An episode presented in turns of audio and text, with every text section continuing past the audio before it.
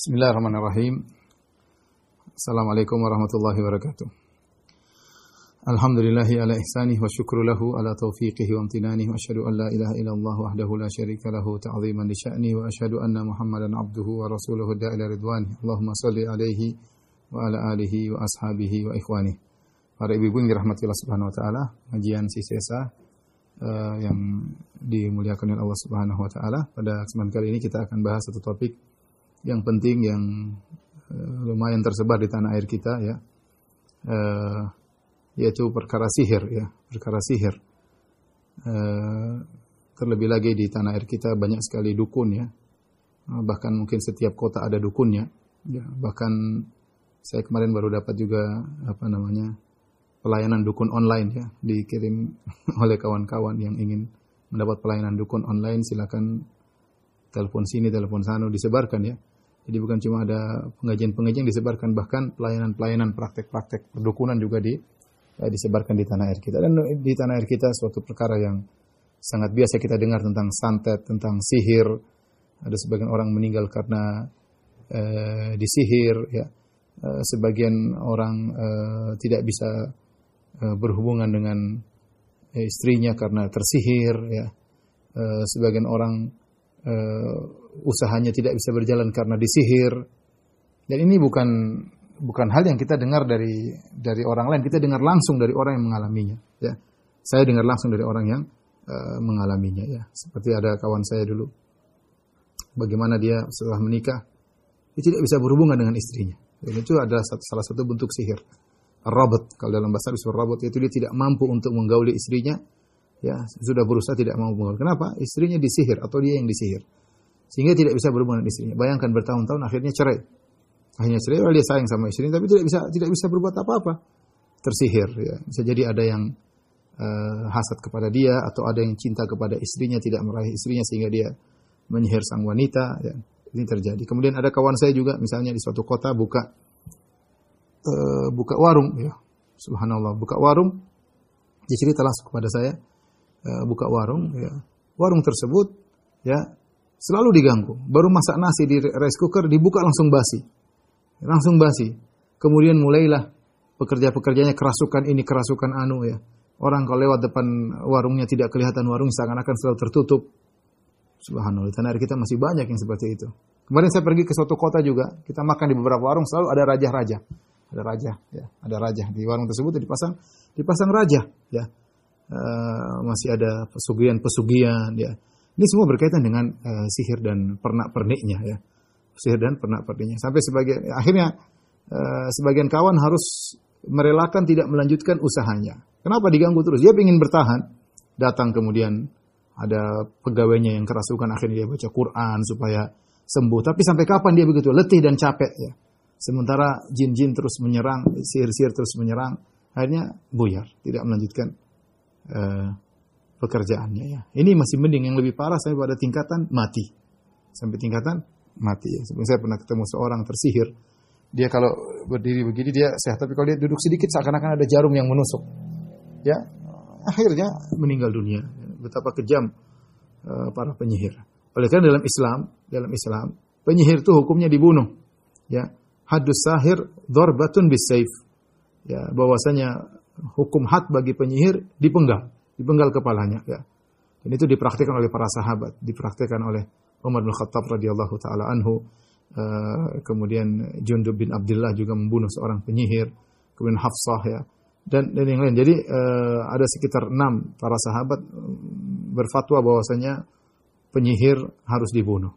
Kenapa? Karena kemudaratan yang ditimbulkan oleh mereka uh, bukan hanya merusak membunuh orang bahkan merusak rumah tangga merusak kebahagiaan saya pernah satu hari ngisi pengajian di Masjid Nabawi terus ada seorang datang orangnya uh, gemuk, uh, berkacamata, dia cerita, Ustadz bagaimana ini Ustadz? Saya di rumah uh, dituduh saya melakukan sihir. Kenapa ada uh, saudaranya yang barangnya kehilangan, kehilangan barangnya di di kamar. Akhirnya mereka pergi ke dukun. Ya, mereka pergi ke dukun, dukunnya mengatakan yang yang mengambil barangmu adalah seorang yang gemuk berkacamata. Sehingga terus apa saya dituduh sama keluarga saya, saya bilang lapor polisi aja. Jadi sampai itu merusak merusak hubungan rumah tangga, merusak hubungan kekerabatan, ya, sampai terjadi bunuh-bunuhan, ya, sampai uh, saya ketemu orang juga, seorang datang kepada saya, Ustadz, uh, istri saya disantet oleh adiknya. Saya bilang disantet adiknya, iya adiknya santet. Perempuan hasad. Kenapa hasad kepada istri saya? Lo kasih tahu itu sihir. Lah istri adik adik istri saya tahu itu sihir Ustaz. Dia lulusan pondok. Dia tahu ini sihir. Terus kenapa dia lakukan? Ya karena saking hasadnya. Karena dia menemukan ada sarana untuk melampiaskan kemarahan ya. Cara caranya bagaimana melepaskan kemarahan? Datang ke dukun ya. Datang ke dukun. Betapa banyak majikan disihir oleh pembantunya. Betapa banyak.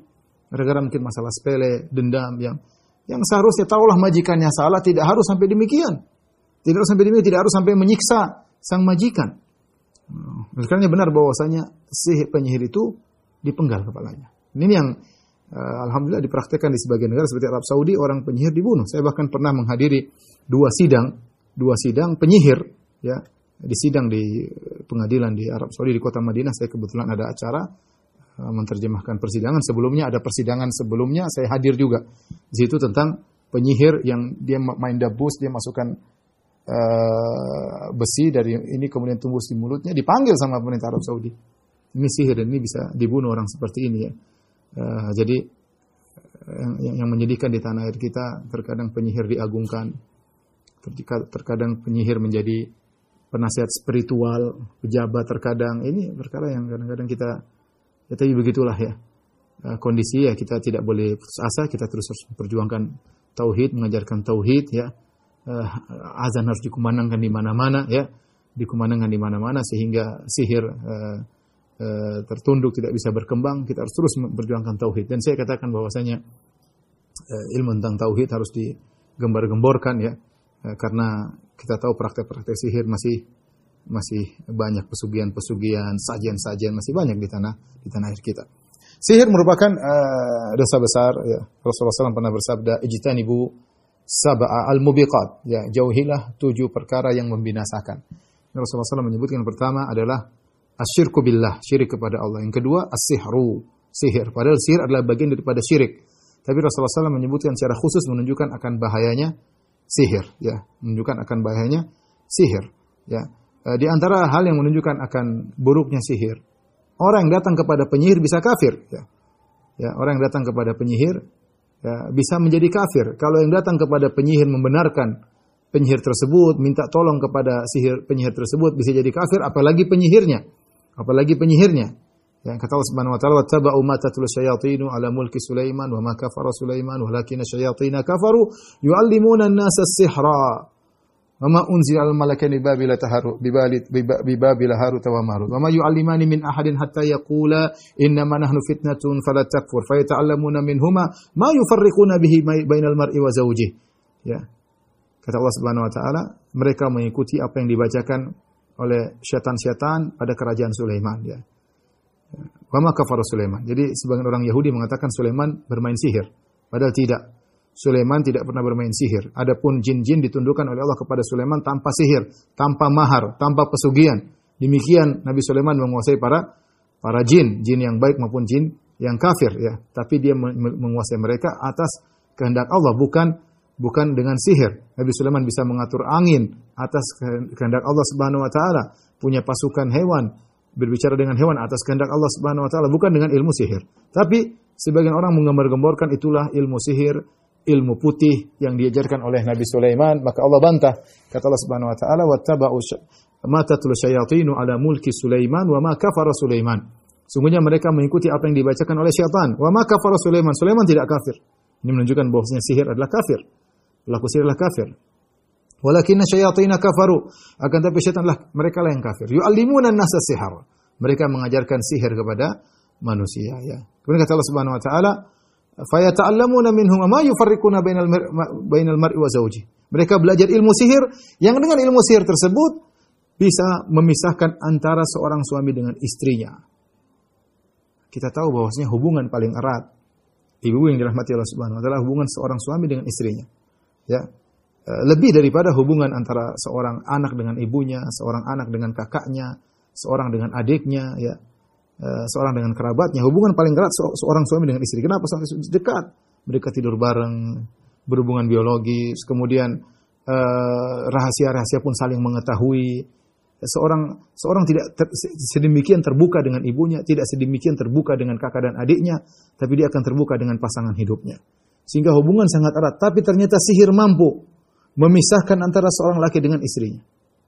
Baru saja beberapa hari yang lalu saya ketemu dengan ikhwan ya. Tiba-tiba istrinya berubah.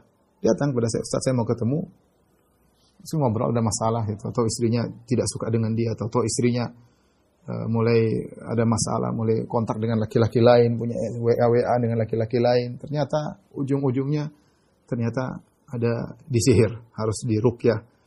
Subhanallah. Bagaimana uh, sihir bisa merusak hubungan rumah tangga uh, apa namanya ya, yang terjadi ya. Ini buruknya sihir, buruknya sihir dan uh, maka jelas hukumannya adalah kekufuran dan pelakunya dibunuh, ya bukan diagungkan, bukan dihormati, bukan disanjung-sanjung.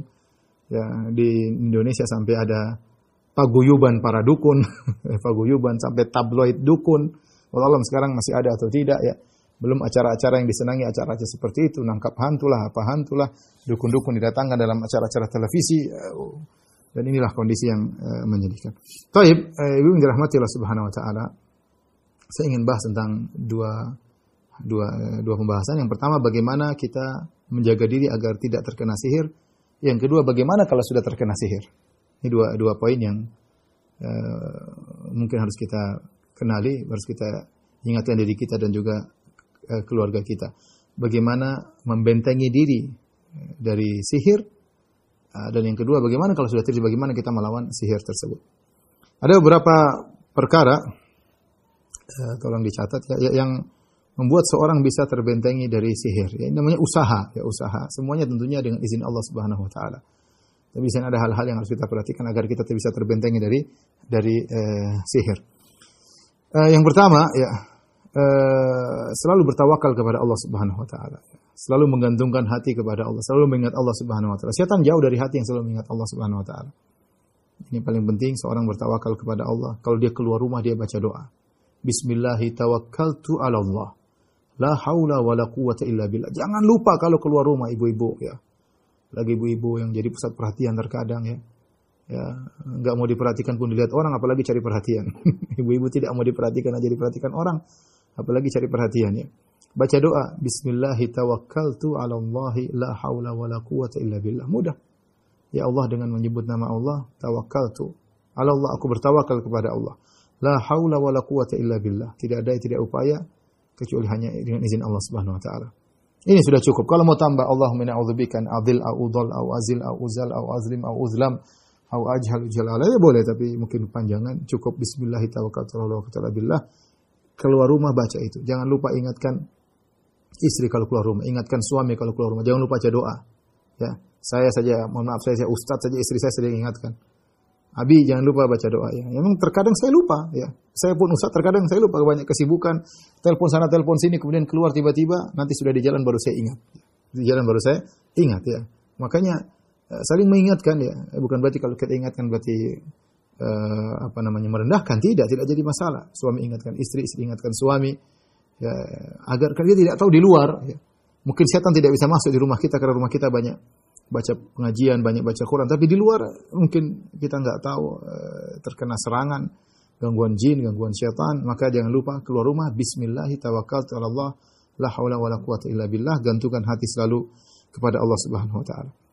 Eh, yang kedua, di antara cara untuk senantiasa bertawakal kepada Allah, sering berdoa. Apa-apa berdoa, minimal bismillah.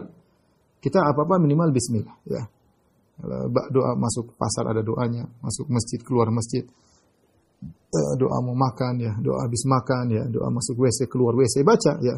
Baca ya. Sering berzikir. Salah-salah itu kita berzikir. Dengan zikir apa pun.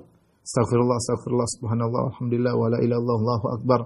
Ya, kalau hati kita senantiasa dipenuhi dengan uh, dengan mengingat Allah, maka setan akan menjauh. Setan akan menjauh itu otomatis. Ya itu akan otomatis karena setan menjauh dari hati yang dipenuhi dengan uh, ayat-ayat Allah Subhanahu wa taala ya. Nah, jadi masalah sekarang ibu-ibu uh, lisan kita sangat malas untuk berzikir uh, sementara tangan kita begitu lincah untuk bermain medsos ya. Itu jadi masalah ya. Eh, mata kita terfokus tertuju melihat hal-hal yang mungkin dilarang oleh Allah Subhanahu wa taala. Telinga kita siap untuk mendengar berbagai macam ghibah dan namimah. Mulut kita siap untuk berkomentar terhadap hal yang tidak bermanfaat. Hati kita terjauhkan dari mengingat Allah Subhanahu wa taala. Ya, baca Al-Qur'an begitu malas baru satu halaman, dua halaman tiba-tiba ngantuk, menyerang. Ya, berbagai macam alasan baca satu halaman, baru satu halaman tahu-tahu telepon WhatsApp berdering sehingga kita akhirnya menutup Al-Quran, kita ngangkat telepon, kita tidak balik lagi kepada Al-Quran. Ini itu terjadi. Kita bicara jujur saja ya. ya. Maka hanya Allah yang bisa menjaga kita ya. Kita jauh dari Allah Subhanahu wa taala, jauh dari mengingat Allah Subhanahu wa taala. Maka kita berusaha memperbaiki diri kita dengan banyak mengingat Allah. Jangan lupa banyak baca Al-Qur'an, beristighfar, bertasbih. Semua macam-macam zikir itu menguatkan hati kita agar terhindar dari uh, dari serangan syaitan. Kemudian yang sangat penting di antaranya jauhi maksiat, jauhi maksiat. Beberapa kasus, beberapa kasus saya zaman dulu waktu saya masih pondok, eh, kita kita tanya orang yang terkena kemasukan jin, dia terkena kemasukan jin di antaranya ketika sedang bersyahwat tinggi, ya, bersyahwat tinggi mungkin melihat yang haram, mudah diserang jin. Jadi orang biasanya terlalu sedih, hatinya lagi kosong, jin mudah masuk, sihir mudah mengena. Itu dia sedang syahwat tinggi yang haram. Ya, melihat sesuatu yang uh, haram atau menonton sesuatu yang haram. Ya, atau dia di puncak kemarahan. Tidak bisa mengontrol dirinya, maka setan mudah masuk ke dalam uh, ke dalam dirinya. Maka seorang menghindari dari itu semua.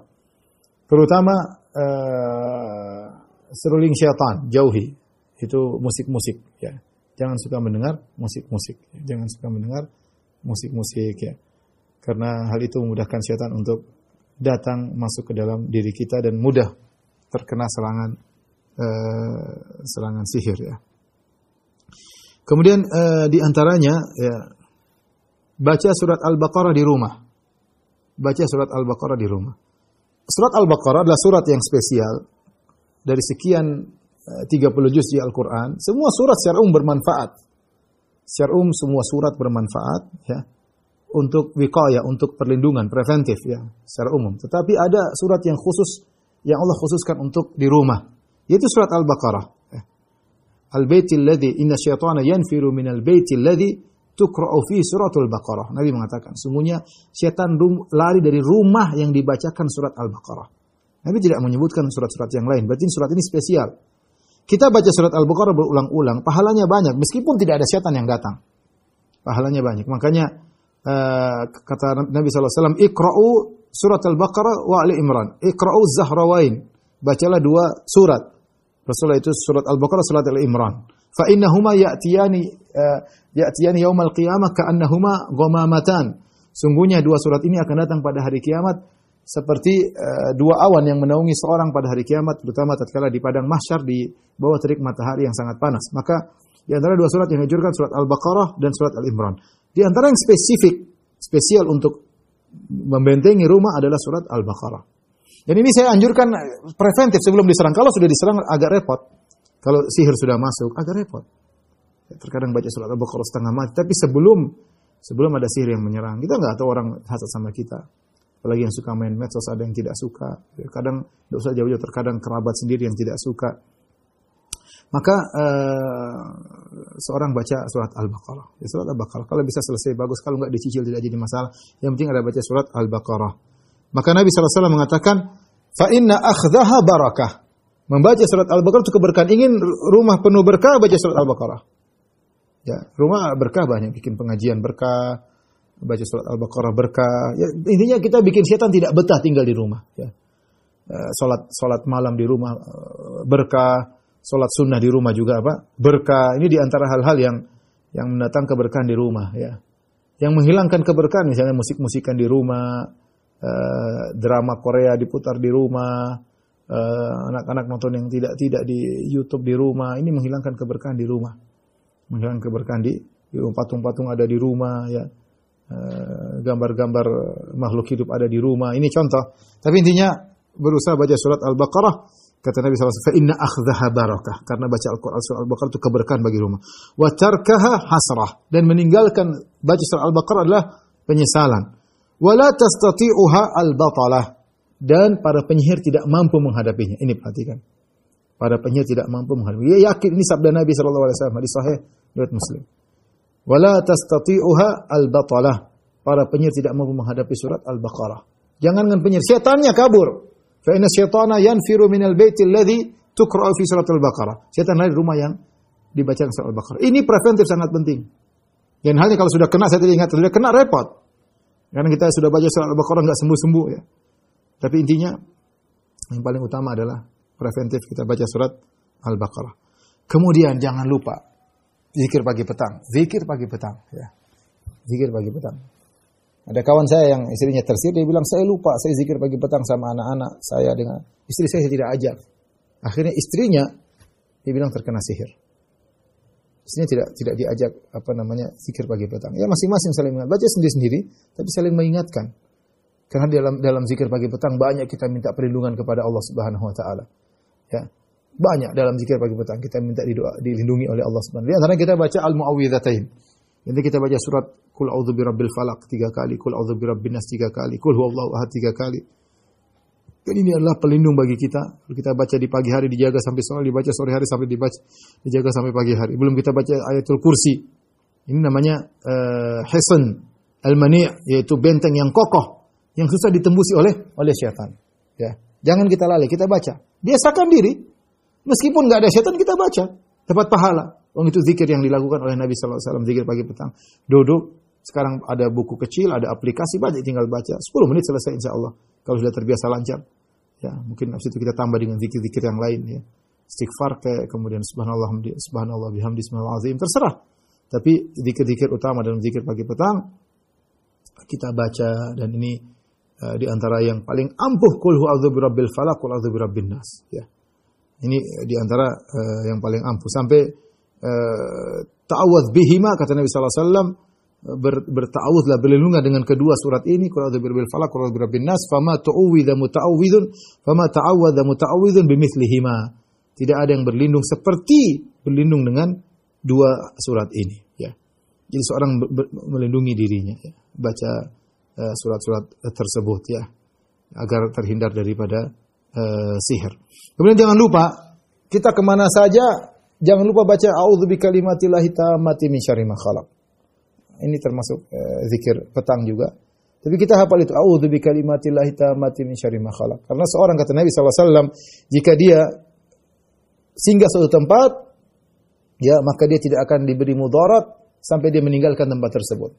Kita masuk ke hotel, masuk ke mana, singgah di mana, singgah di losmen, uh, turun dari pesawat menuju satu tempat, baca a'udzu bikalimatillahi tammati min syarri ma khalaq. Jangan lupa ya. Kita nggak tahu kita lagi tidur diganggu apa, diganggu. dan ini bukan hanya berlaku kepada sihir saja, tapi apa pun gangguan-gangguan akan dilindungi oleh kita dilindungi oleh Allah Subhanahu wa taala dari gangguan-gangguan tersebut.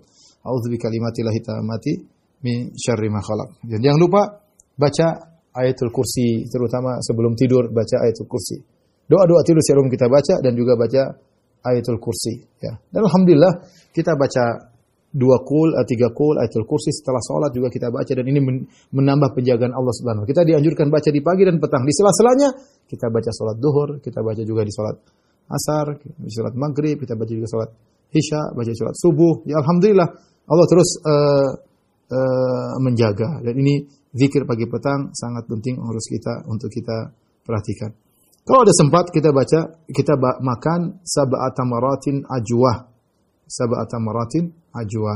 Makan tujuh butir korma setiap pagi hari. Kita makan ya uh, dan akan dijaga oleh Allah Subhanahu wa taala kata Nabi sallallahu alaihi wasallam man tasabbaha bi sab'i tamaratin ajwa lam yadhurruhu dzalika al-yawm sammun wala sihran barang siapa yang di pagi hari makan tujuh korma ajwa maka pada hari itu dia tidak akan mendapat kemudaratan ya baik racun ataupun sihir tidak akan bisa mengenainya ya ini Eh, beberapa hal. Sebenarnya mudah ya, tinggal kita masalah rutinitas aja. Merutinkan ya. Yang penting ibu-ibu ya, jangan lupa baca doa. Keluar rumah jangan lupa baca. Bismillahirrahmanirrahim. Mudah alhamdulillah. Apa-apa kita mau bikin jangan lupa bismillah minimal. Kata Nabi sallallahu alaihi wasallam kullu amrin dzibalin la yubda'u bil basmalah fahuwa abtar. Semua perkara yang penting yang tidak dibuka dengan bismillah maka terputus, maka berusaha kita apa ke.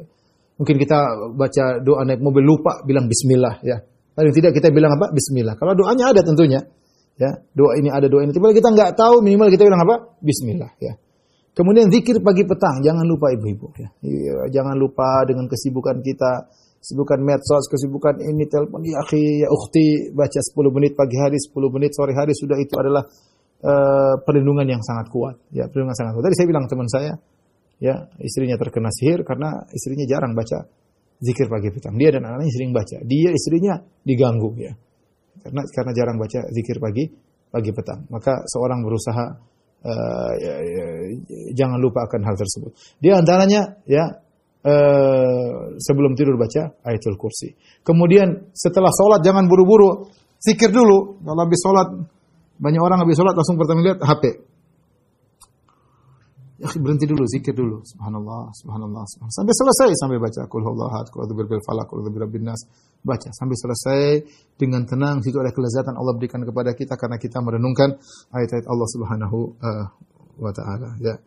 Uh, ada lagi saya lupa. Sebelum tidur di malam hari baca dua ayat terakhir surat Al-Baqarah. Amana Rasul bima unzila ilaihi rabbi wal mu'minun dan seterusnya. Itu surat Al-Baqarah.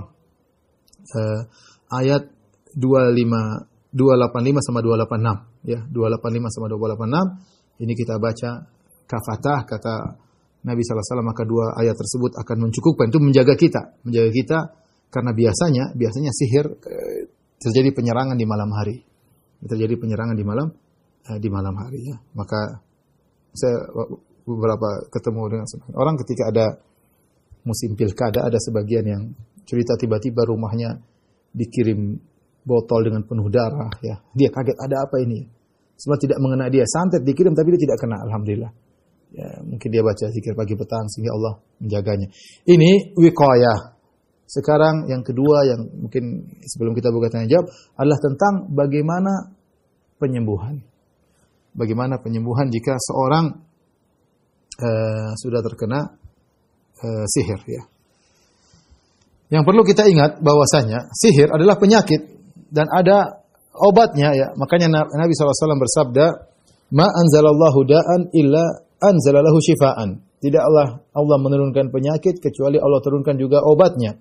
Alimahuman alimahu, yang tahu maka tahu, wajahilahuman jahilah. Yang tidak tahu maka tidak tidak tahu ya.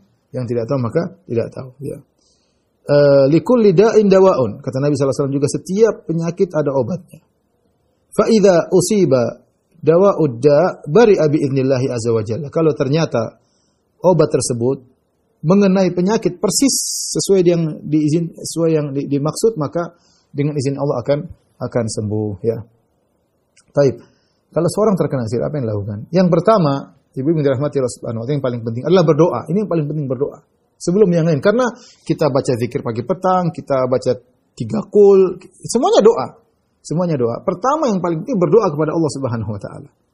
Terutama di sepertiga malam yang terakhir. Ya, bagaimana Allah Allah sedang mencari hambanya. Allah mengatakan, "Man yad'uni fa astajiba lahu." Allah turun ke langit dunia, Allah mencari hambanya, siapa yang berdoa kepadaku, aku akan kabulkan. Ya.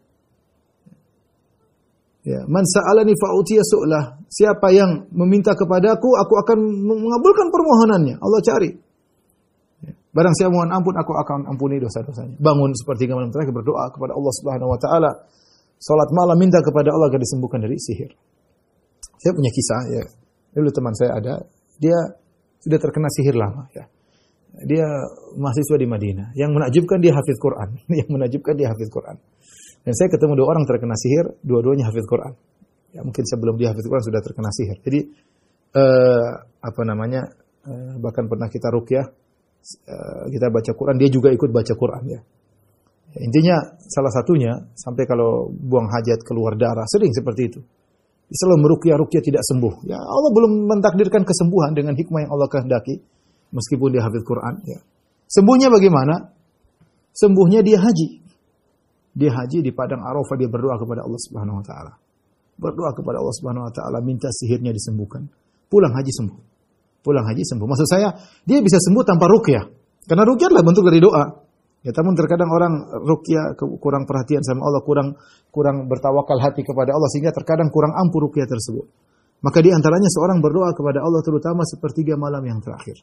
Bangun minta kepada Allah agar dihilangkan sihir yang menimpanya, sihir yang uh, uh, menimpanya. Maka ya, di antara uh, kalau sudah terkena sihir yang paling afdol, paling agung adalah berdoa kepada Allah Subhanahu wa taala. Yang kedua adalah ruqyah ya. Ruqyah syar'iyyah. Ruqyah syar'iyyah kita baca misalnya uh, surat Al-Fatihah, diulang-ulang, diulang-ulang baca surat Al-Fatihah boleh dipegang orangnya sambil kita baca. Atau kita rukyah diri kita sendiri ya. Atau kita eh, tiupkan di air ya. Kalau bisa air zam-zam. Air zam-zam ya. Eh, air zam-zam apa namanya uh, uh, zam-zam. Lima syuri balahu air zam-zam. Uh, tergantung niat untuk apa minum air tersebut. Kalau untuk kesembuhan sihir insya Allah bermanfaat. Kemudian Nabi SAW mengatakan innahu ta'amu tu'min wa shifa'u suqmin. Sungguhnya air zam-zam adalah bisa mengenyangkan bisa menghilangkan penyakit. Allah Nabi menamakan dia dengan syifa. Kemudian kalau bisa ditambah dengan uh, madu ya. Madu juga syifa. Eh, karena uh, apa namanya fihi syifa ya. Kata Allah Subhanahu wa taala tentang madu bahwasanya itu ada obat kesembuhan ya. Obat kesembuhan. Kemudian diruqyah ya, ruqyah. Kalau air biasa juga tidak jadi masalah, tapi ruqyah. Ruqyah dengan kita baca Al-Fatihah tiga kali misalnya. Sambil kita ludahkan ya di air tersebut ya. Bismillahirrahmanirrahim. Alhamdulillahirabbil alamin. Arrahmanir rahim. Gitu kita ludahkan. Ya. Maliki yaumiddin atau terakhir baru kita tiupkan ada air liur sedikit yang uh, masuk uh, di, uh, namanya tafal yaitu di antara cara cara meruqyah. Kemudian kita baca kul ahad ya tiga kali kul a'udzu birabbil falaq kul a'udzu birabbin nas sambil kita bertawakal kepada Allah Subhanahu wa taala. Nah, kalau saudara kita yang sakit, kalau yang sakit, suruh dia bertawakal. Bahwa ini semua, ini cuma adalah usaha. Yang menyembuhkan hanya Allah Subhanahu Tapi kita berusaha dengan sunnah-sunnah yang diajarkan oleh Nabi SAW. Baca tiga kul, ya sambil kita tiupkan. Ya. Kemudian uh, baca surat Al-Baqarah, baca surat Al-Baqarah. Ya. Jadi rukyah bisa langsung kita pegang. Ya. Kalau akhwat kita nggak usah pegang, kita baca suruh dia mendengar saja, suruh dia simak atau sambil kita baca kita juga sambil merukyah air. Ya Nanti kita suruh dia dia minum ya. Uh, ini di antaranya. Ya. Syekh bin Bas rahimahullah taala berdasarkan uh, praktek para salaf membolehkan dengan menggunakan sider. Kalau ada daun sider tujuh lembar, kemudian ditumbuk di antara dua batu, dihancurkan, kemudian dicampur dengan dalam air yang tadi kita bacakan. Dicampurkan dengan air yang kita bacakan disuruh minum ya. Boleh juga dimandikan tapi disuruh minum juga uh, juga uh, boleh ya. Demikian juga minyak zaitun minyak zaitun boleh kita rukyah kemudian kita oleskan ke seluruh tubuh. Ya ini juga dipraktekkan oleh sebagian eh, kawan-kawan ya teman-teman saya dari Libya pernah cerita mereka pernah merukyah. Jadi teman saya kata dia Firanda saya pernah merukyah orang sampai tiga hari nggak berhenti. Jadi gantian yang rukyah gantian. Jadi kasih minyak semuanya tutup biar jinnya tidak bisa keluar. Sampai akhirnya kebakar semuanya baru dua hari atau tiga hari baru kemudian sembuh alhamdulillah. Karena orang ini nggak sembuh sembuh mereka rukyah ganti-gantian Mungkin berhenti, mungkin cuma buat makan, terus rukyah lagi, rukyah terus, rukyah terus. Sampai akhirnya uh, sembuh. Ini di antaranya. Kemudian tadi baca Al-Quran secara umum dibaca, tapi secara khusus surat Al-Baqarah. Secara khusus surat Al-Baqarah. Uh, kemudian ya,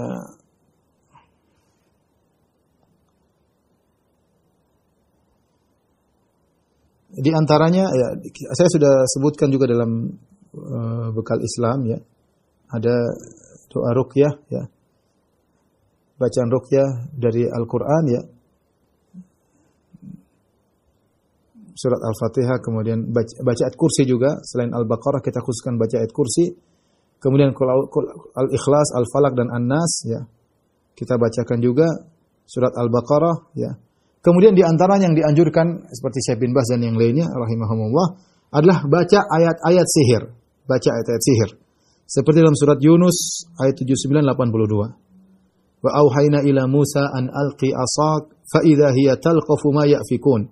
Fa waqa al haqq wa batala ma kanu ya'malun. Fagulibu hunalika wa anqalabu saghir. Diulang-ulang ayat ini yang menjelaskan bagaimana pertarungan antara Nabi Musa dengan para penyihir dan mereka kalah. Mereka kalah. Maka ini ayat uh, keras bagi uh, para penyihir. Demikian juga dalam uh, surat Toha 65 sampai 69. وقال فرعون اتوني بكل ساحر عليم فلما جاء السحرة قال saharatu موسى lahum Musa alqu ma antum mulqun falamma alqau qala Musa ma ji'tum bihi sihr. Inna akan menghancurkan sihir kalian. إن الله لا يصلح عمل المفسدين ويحق الله الحق بكلماته ولو كره المجرمون di antaranya juga eh, dalam ayat yang lain ya qalu ya Musa imma an wa imma an oh ini yang surat Toha ya. Qalu ya Musa imma an tulqi wa imma an nakuna awwala man alqa. Qala bal alqu fa idha hibaluhum wa isiyum yukhayyalu ilayhi min sihrim annaha tas'a fa awjasa fi nafsi khifatan Musa qulna la takhaf innaka antal a'la wa alqi ma fi yaminika talqaf ma sana'u inna ma sana'u kaidu sahir yuflihu sahiru haitsu ata. Ini di antara dalam surat Toha ya. Ini di antara ayat-ayat sihir.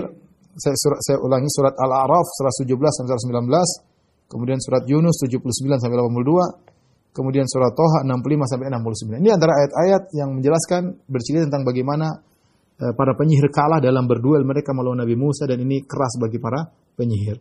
Dengan baca surat-surat ini, ini yang disebut dengan ruqyah. Jadi saya ulangi.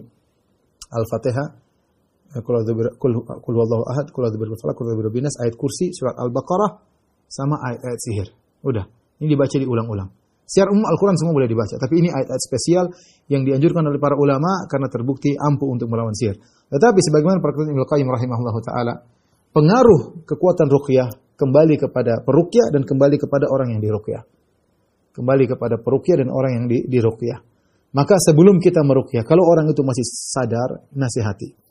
Nasihati ini hanyalah sebab yang, yang menyembuhkan Allah Subhanahu wa taala, tumbuhkan keyakinan bahwasanya Allah bisa menyembuhkan Inna kaidah syaitani kana dha'ifa. Sungguhnya tipuan setan sangat lemah. Yakinkan dirinya, timbul keyakinan pada diri kita, timbul keyakinan pada dirinya, maka uh, berdoa, maka berdoa uh, dengan dengan rukyah mudah-mudahan bisa di uh, uh, disembuhkan ya. Demikian juga doa-doa dari hadis bisa lihat bisa dilihat semuanya dalam bekal Islam ya. Uh, seperti doa yang Nabi bacakan Bismillahi arqika min kulli syai'in yu'dhika min syarri kulli nafsin au ainin hasid. Allah yashfika bismillahi arqik. Ya. Kemudian juga Allahumma rabban nasi adhibil ba'sa ishfihi anta syafi la shifa ila shifa'uk shifaan la yughadiru saqama. Ya Allah penguasa manusia hilangkan penyakit sembuhkanlah engkau adalah penyembuh tidak ada kesembuhan kecuali dari sembuhanmu kesembuhan yang menghilangkan seluruh penyakit seperti juga bismillah ya billahi wa qudratihi min syarri ma ajidu wa uhadir Bismillah dibaca tiga kali, kemudian auzubillahi wa qudrati min syarri ma ajidu muhadir dengan menempelkan di lokasi uh, yang yang merasa sakit ya tujuh kali. A'udzu bi kalimatillahi tammati min syarri ma a'udzu bi kalimatillahi tamma min kulli wa wa min kulli ainin lama. Ini di antara rukyah-rukyah yang yang bisa uh, dilakukan ya. Uh, kemudian hindari cara-cara rukyah yang aneh-aneh kesembuhan dari Allah Subhanahu wa taala. Di antara rukyah yang aneh-aneh misalnya memanggil jin untuk melakukan general check up ya sebagian orang manggil jin. Jin tolong cek ada apa di situ? Tidak usah lah. Kita nggak usah gitu gitu kemudian ketika kita merukyah atau kita dirukyah tidak terlalu tidak usah terlalu banyak bicara sama jin. Tugas kita menasihati. Kalau dia berbicara nasihati kemudian baca. Minta kesembuhan kepada Allah Subhanahu uh, wa taala. Dan meyakini bahwasanya rukyah ini semuanya hanyalah sebab ya Terkadang berhasil, terkadang tidak berhasil. Sebagaimana kita tahu obat juga sebab. Terkadang orang di, diobati dengan obat-obat uh, kimia atau herbal sembuh, terkadang tidak sembuh. Tetapi uh, kita berusaha ya. Kalau Allah ternyata mentakdirkan seorang tidak sembuh uh, dari sihir yang dikenainya, mudah-mudahan ini termasuk apa namanya uh, penggugur dosa-dosanya dan mengangkat derajat insya Allah Subhanahu wa taala. Ya kalau penyakit biasa saja bisa mengugurkan dosa-dosa, mengangkat derajat apalagi sihir yang terkadang sangat menyakitkan, menghilangkan kebahagiaan orang, maka kalau dia bersabar, uh, niscaya dia akan mendapatkan ganjaran yang tinggi. Demikian saja para ibu yang dirahmati Allah Subhanahu wa taala pengajian sisa jamaah pengajian sisa yang dirahmati Allah Subhanahu wa taala. Insyaallah kita bersua di kesempatan yang lain. Kurang lebihnya saya mohon maaf. Semoga ibu-ibu sekalian dijaga oleh Allah Subhanahu wa taala dari gangguan syaitan, gangguan para penyihir, demikian juga anak-anak, suami dan semuanya di uh, dijaga oleh Allah ya agar kita mudah beribadah kepada Allah dan bisa berkumpul dengan keluarga di surga kelak. Amin ya rabbal alamin. Subhanakallah bihamdik asyhadu alla ilaha illa anta astaghfiruka assalamualaikum warahmatullahi wabarakatuh